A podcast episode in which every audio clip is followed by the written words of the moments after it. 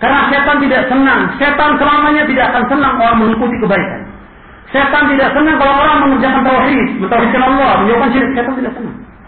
Setan tidak senang kalau orang mengerjakan sunnah. Setan senang kalau orang berbuat syirik. Setan senang kalau orang berbuat tidak. Setan senang kalau dia berbuat maksiat. Senang setan itu. Makanya ya, kalau di din, orang-orang yang musuh itu banyak. Dan kita harus sabar. Jangankan kita para nabi aja, Allah jadikan musuhnya siapa? Setan dari jenis jin, setan dari jenis manusia. Wa kadzalika ja'alna likulli nabiyyin aduwan syayatin al-insi wal jin yuhi ba'dhum ila ba'din zukhrufal qawli ghurura. Allah yang berfirman dalam surah An-An'am. Demikian akan menjadikan setiap kalian, setiap nabi wa kadzalika ja'alna likulli nabiyyin demikian akan menjadikan setiap nabi aduan musuh syayatin al-insi wal jin. Setan dari jenis manusia setan dari jenis jin. Yang mereka membisikkan kepada yang lainnya. Dan mereka mengatakan dengan perkataan-perkataan yang indah. Zukhrufal qawli burura untuk menipu manusia. Jadi kalau jin nah tetap aja ada yang musuh kita. Tapi kita jangan terpengaruh.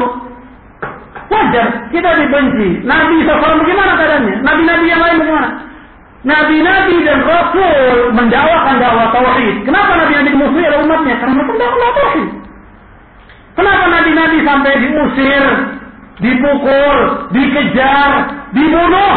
Ada nabi yang dibunuh. Kenapa? Karena nabi-nabi semuanya mendakwakan dakwah tauhid, menjauhkan umat dari kesyirikan. Umat tidak senang. Tapi terus nabi mendakwakan dakwah tauhid. Begitu juga kita. Kita mendapatkan dakwah itu kecil tapi jangan terus. Jangan terus. Ingat, ikhwan fiddin, Allah. Di samping kita jalan terus, tetap kita berusaha untuk mendakwakan mereka. Dengan dengan ilmu, dengan lemah lembut, tetap dakwakan mereka. Meskipun mereka musuhi kita, tetap kita berusaha untuk mendakwakan dengan dengan baik. Seandainya ada family kita, karena kerabat kita musuh kita, tetap kita setelahmi dengan dia. Tetap setelahmi. Bagaimana nasihat Rasulullah Abu Zar, Abu Zar Al-Ghifari, wa arsila rahimi wa in dan aku diperintah untuk menyambung silaturahmi meskipun mereka berbuat jahat kepadaku. Nabi yang menyuruh Rasul mewakilkan tujuh di antaranya salah satunya wa arsila rahimi wa in jafani dan aku diperintahkan untuk menyambung silaturahmi meskipun dia jahat kepadaku, kasar kepadaku, berbuat jahat kepadaku, bahkan memberi yang lain. Afdal sadaqah, sadaqah yang paling baik ala rahimil kasyif. Afdal sadaqah ala rahimil kasyif. Sebaik-baik sedekah yaitu kita memberikan kepada siapa? Yaitu sahabat uh, kepada kerabat kita, famili kita yang memusuhi kita. Afdal sadaqah kata Rasulullah. Supaya apa? Supaya dia kembali ke jalan yang hak. Jadi kita jangan kembali seperti mereka, sikap kita. Mereka memusuhi kita, mengejek kita, mencela kita, kita balas. Jangan sabar ya. Sabar. Allah mengatakan khudil afwa wa'mur bil 'urfi wa a'rid 'anil jahilin. Khudil afwa, maafkan mereka. Maafkan. Wa'mur bil 'urfi, perintahkan mereka untuk berbuat kebaikan. Wa'rid 'anil jahilin, berpaling dari orang yang bodoh.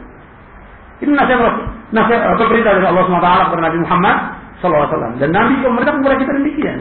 Jadi dakwah yang hak ini mesti ada tantangan. Dan kita harus sabar. Jangan kita tinggalkan dakwah ini. Kita memegang sunnah seperti kita memegang barafi. Gak mungkin orang berakhir itu dipegang terus. Lebih lepas. Sunnah seperti itu ibaratnya. Kita pegang soal kita nggak kuat. Karena banyaknya tantangan, banyaknya ajakan kita akan lepas sunnah. Kalau lepas, rugi kita dunia akhirat. Lepas sunnah, rugi dunia akhirat. Maka jangan berlepas dari sunnah. Pegang erat-erat. Dan mohon kepada Allah sadar. Maka doa yang paling banyak yang dilakukan yang paling Nabi mohon kepada Allah, doa yang paling banyak yang Nabi mohon kepada Allah, ya muqallibal qulub, sabit qalbi ala dini. Ya muqallibal qulub, sabit qalbi ala dini. Ya muqallibal qulub, sabit qalbi ya Allah yang membangun hati. Tetapkan hatiku atas agamamu. Tetap. Karena tetap saja hati di atas dua jari. Hati ini berada di dua jari tangan Allah. Yang Allah memberikan apa yang dia kehendaki. Kita kepada Allah. Agar kita tetapkan di atas Islam sampai kita wafatkan Allah. Ya saya pikir cukup sampai di sini kajiannya mudah-mudahan bermanfaat untuk saya dan kamu sekalian. Kalau nanti anda mau jelas, anda bisa baca di buku ini di prinsip dasar Islam. Wassalamualaikum Ya sebelum uh, kita sholat isya ada pertanyaan sedikit. Ya pertanyaan gak usah banyak-banyak yang yang berkaitan dengan materi saja, yang bisa saya jawab saya jawab, yang tidak Allah Allah. Dan nanti insya Allah besok bisa dilanjut. Insya Allah besok, besok saya ngisi di Masjid Makkah insya Allah. Oh, Masjid Jami Makkah. Afwan, di Masjid Jami Makkah.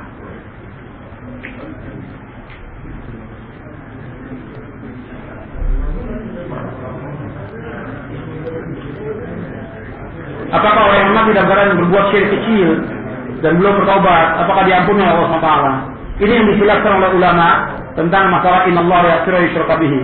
Allah tidak mengampuni dosa berbuat syirik, apakah masuk pada syirkun akbar atau tidak? Sebagian ulama mengatakan tidak masuk syirkun akbar, yang masuk syirkun akbar. Ada yang mengatakan juga syirkun akbar juga masuk Allah alam.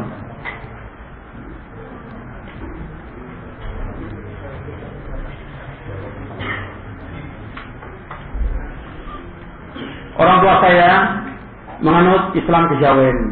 Dia tidak melakukan salat, bahkan mengingkari. Apakah dia tetap dikatakan Islam? Sekarang kalau untuk meninggalkan salat, ini ulama khilaf dalam masalah ini.